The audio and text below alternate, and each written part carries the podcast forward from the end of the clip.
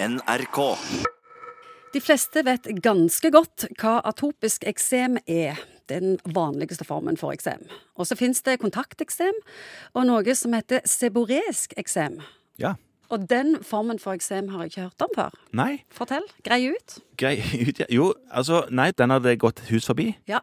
Ja, for det, det, er, det er en ganske vanlig eksemtype. Men han er en type som forveksles med rosacea, Ja. med sopp eller med flass eller med vanlig eksem. Ja, altså det er jo både, det er jo både sopp og flass. Så forveksles er noen ganger riktig, og noen ganger helt eh, okay. feil. Sånn at det, dette her er en eksemtype som kommer på plasser på huden som har mye talgkjertler. Så det er ansikt, eh, skinn, eh, plasser hvor det er veldig tett. Lyske under bryster hos eldre damer som har hud som går inntil hverandre under brystene. Den typen plasser.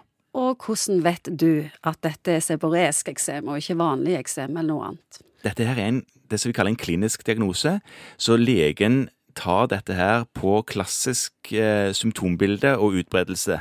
For dette her er da hud som er rød, irritert, kløende, skjellende, flassene på de plassene jeg nå sa.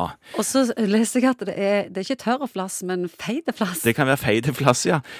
Hodebunnen er jo òg et sted hvor vi får seboreisk eksem typisk. Sånn at de som har masse flassproblemer, de har jo ofte brukt Head and Shoulders og mild sjampo for å prøve å få bukt med dette, her, og så kommer de ikke til målet. Og så kommer de til lege, og så kan vi noen ganger si at dette her nok sannsynligvis er en seboreisk eksem. Og da er det en eh, soppluring som eh, mange ganger vil kunne dyrkes opp hvis en tar en prøve av dette her. Men eh, det dumme er at den soppen den er òg på huden til helt friske folk. Så det er en sånn sopp som hos enkelte gir symptomer. Og så har jeg hørt at det er ikke spesielt lurt å prøve å behandle dette sjøl, for det gjør mange med eksemsalver og sånn. Steroidsalver kan funke, men det er ikke førstevalget.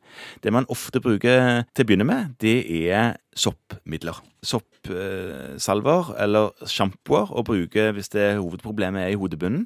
Så bruker man det. Og den hodebunns, den sjampoen den kan man også bruke andre steder på kroppen hvis man er i dusjen og, og har den sjampoen, men den må stå, være litt på for å virke noen minutter før en skyller det av igjen. Og mistenker at det er som er vanlig eksem, at du er ikke frisk da.